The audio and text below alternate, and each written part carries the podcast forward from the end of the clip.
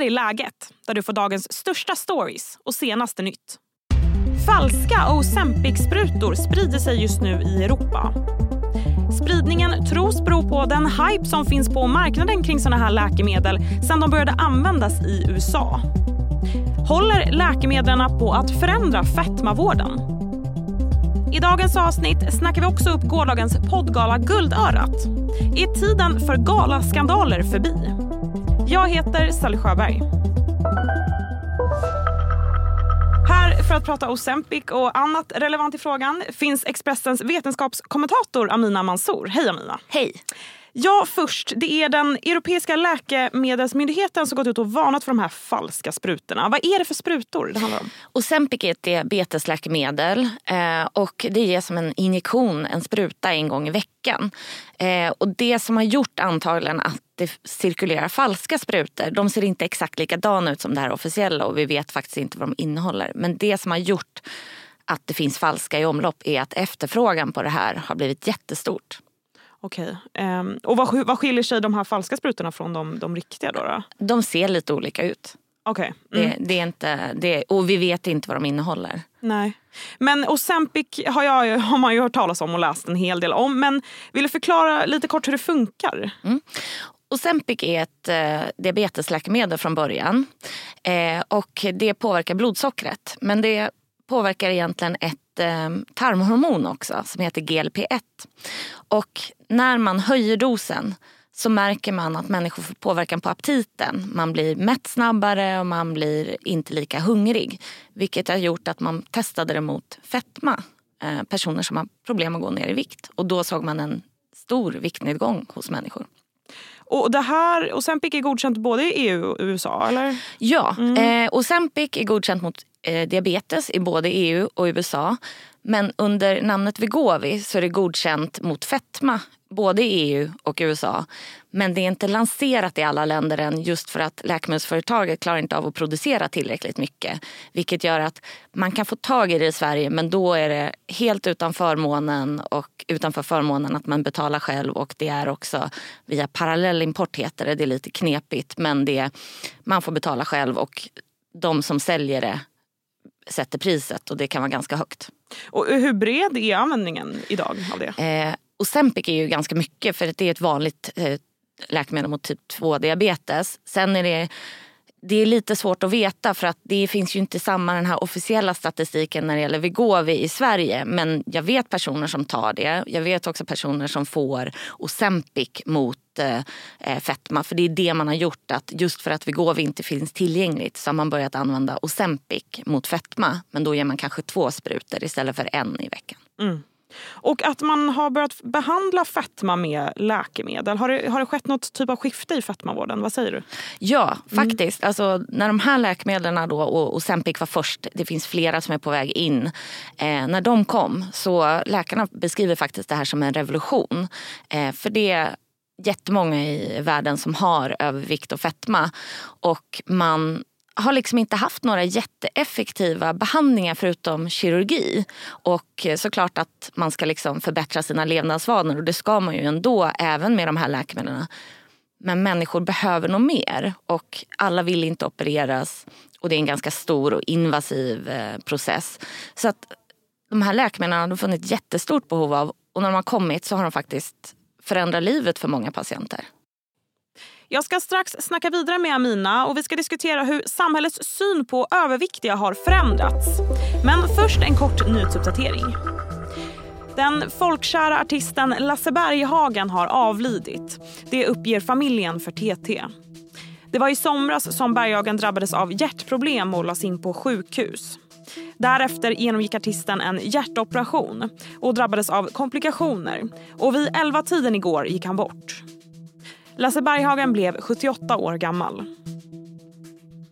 En svensk toppmilitär sitter anhållen misstänkt för grov obehörig befattning med hemlig uppgift. Mannen och hans hustru greps båda två vid en Säpo-razzia i förrgår. Och de har sedan dess hållits isolerade i varsin anhållningscell utan vare sig möjlighet att titta på tv, lyssna på radio eller ha kontakt med omvärlden i form av brev. Det här fallet bedöms enligt uppgifter till Expressen vara så pass känsligt att Säpos egen personal sköter bevakningen och all kontroll när det gäller mat till de två misstänkta. Ett skelett som hängt som spökrekvisita i en teaterlokal på Danderyds gymnasium misstänks komma från en riktig människa. Skelettet hängde i teaterlokalens tak men togs ner efter att en vårdnadshavare undrat om skelettet faktiskt kunde vara äkta. Föräldern publicerade också bilder på forum som intresserar sig för kriminalteknik. Och där konstaterade många att skelettet sannolikt är äkta. Något som också bekräftas av skolans rektor som själv gör bedömningen att skelettet är en kvarleva av en människa. Hej, Ulf Kristersson här. På många sätt är det en mörk tid vi lever i. Men nu tar vi ett stort steg för att göra Sverige till en tryggare och säkrare plats.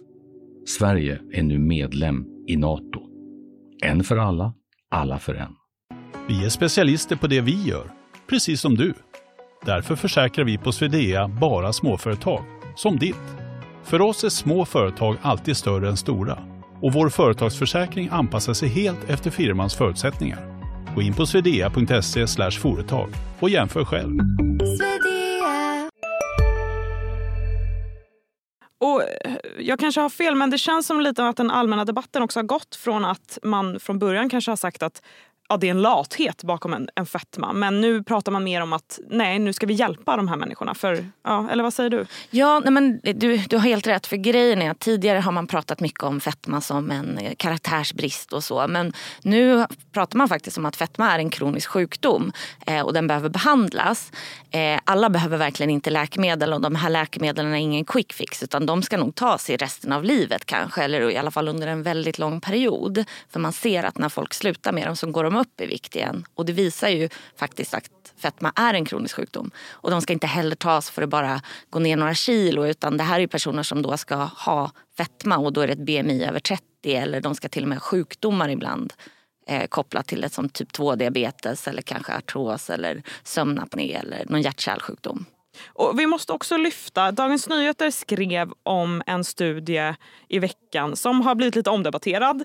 Eh, använde rubriken att det kan vara bra att vara lagom tjock, citat. Mm. vad va, va har du för kommentar där? Jo, men det är det här att när man tittar på studier bara på människor, eh, de kallas observationsstudier, så kan det se ut som att personer med lite övervikt lever längre. Men när man tittar sen på vilka är de här personerna då som är normalviktiga eller smala, då är det ju personer antagligen, det kan vara personer som är sjuka och då ser de ut som att de, de drar ner överlevnaden. Alltså sjukdomen gör att man har gått ner i vikt. Eller så kan det också vara rökare till exempel. Rökare är generellt sett lite smalare. Eh, och de lever ju inte lika länge som kanske då lite överviktiga. Så det här det är inte riktigt så det är bättre att vara normalviktig. Lite övervikt är inte alltid farligt och man kan ha bra hälsa ändå. Fetma är dåligt och det vet vi och det kan vi se i studier. Men så, ja, normalviktig är bäst. Eh, men, så det är tyvärr inte så himla positivt som det låter i den här DN-artikeln. Jag hade min misstanke om det. Ja. Men eh, Amina, vad, vad, tänker du? Hur kommer personer med fetma att behandlas och hur kommer man liksom, ta hand om de här personerna framöver? Eh, alltså, de ska ju ges, de här läkemedlen, jag tror fler kommer få dem när de blir tillgängliga. Och det är nog bra. Men det är ju inte en quick fix och det är inte för alla. Och alla måste ändå jobba med att få bättre hälsosammare levnadsvanor med att röra sig mer och äta bättre. De här läkemedlen hjälper till. Och jag tror också att det kommer komma mycket mer läkemedel. Det är massa som är på gång inom forskningen och det är jättespännande. Så det här är ju också någonting som jag vill bevaka och tycker är kul att skriva om för att det är ett forskningsgenombrott. Eh, och jag tror ju också att vi kan inte lösa fetmaepidemin i världen men de här läkemedlen hjälper ganska mycket för vissa personer. Mm. Tack så mycket Amina. Tack så mycket. Snart ska vi snacka ner årets något mer nedtonade Guldöra-gala. Men först blir det fler nyheter. Enligt Pentagon har ufo-larmen i USA ökat kraftigt den senaste tiden. Flera av rapporterna går inte att förklara och måste utredas av amerikanska försvaret där Pentagon har en hel avdelning med 40 anställda som uteslutande sysslar med just ufon och ufo-rapporter. En av anledningarna till att det är så många rapporter just nu tros vara de spionballonger som upptäckts senaste året. EUs människorättspris, Sakharovpriset, tilldelas iranska Massa Jina Amini. Amini avled i december förra året när hon hölls i förvar av landets så kallade moral... Amini avled i december förra året när hon hölls i förvar av landets så kallade moralpolis. Aminis död utlöste en kvinnoledd rörelse som skriver historia. Det säger EU-parlamentets talman Roberta Metsola. Hej, Synoptik här. Hos oss får du hjälp med att ta hand om din ögonhälsa. Med vår synundersökning kan vi upptäcka både synförändringar och tecken på vanliga ögonsjukdomar. Boka tid på synoptik.se. gick poddgalan Guldörat av stapeln. Finfina poddpriser delades ut. JLC vann till exempel Årets podd och Alice Stenlöf och Klara Elfgrens Vad fan hände vann Årets genombrott. Jag var där och du, får jag säga Jocke? Det får du absolut göra. Ska jag vara med där?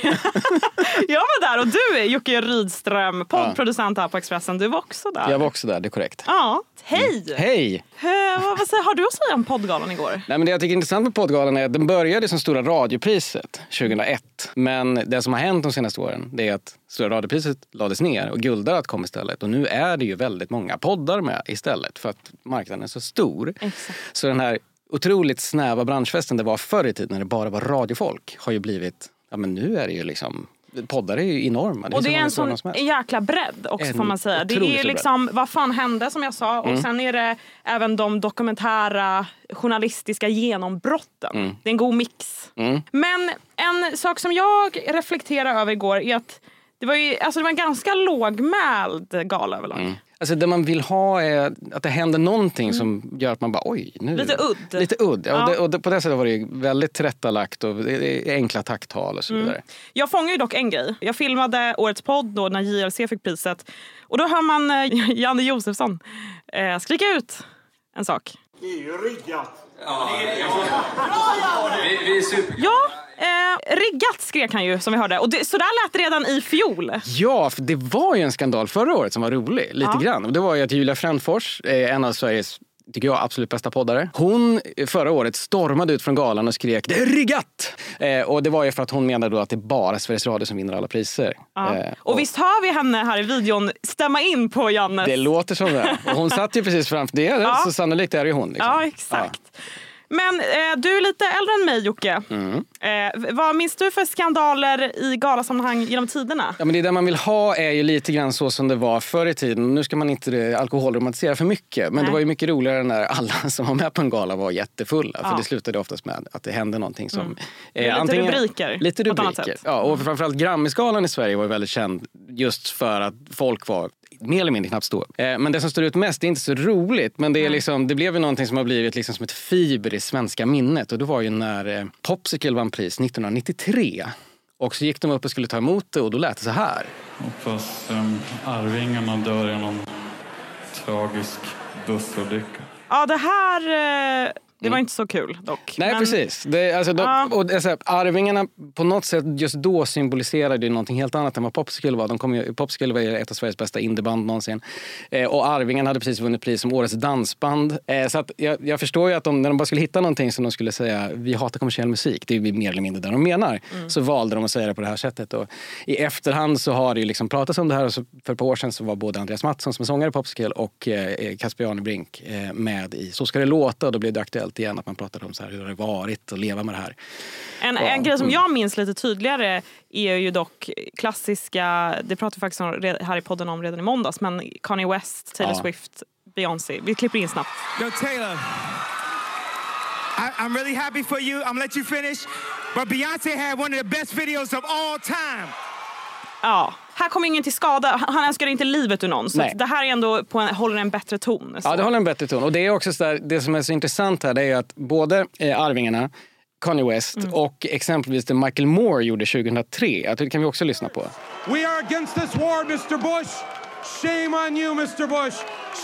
Där han alltså använder plattformen för ett politiskt budskap där han säger Mr Bush, ditt krig mot Irak som var på gång då, det är fel. Alla de tre grejerna har ju blivit en touchstone för helt, alltså hur man diskuterar galor överhuvudtaget.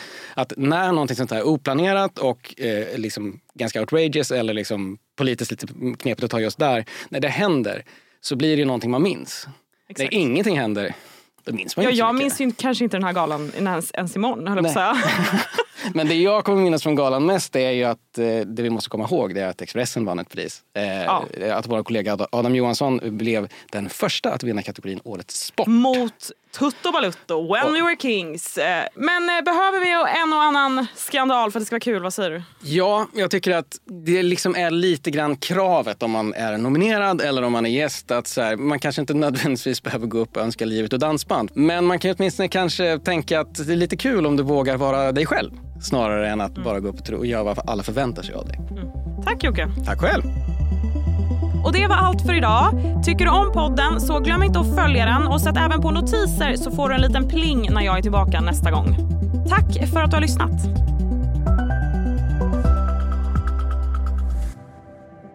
Du har lyssnat på en podcast från Expressen. Ansvarig utgivare Klas Granström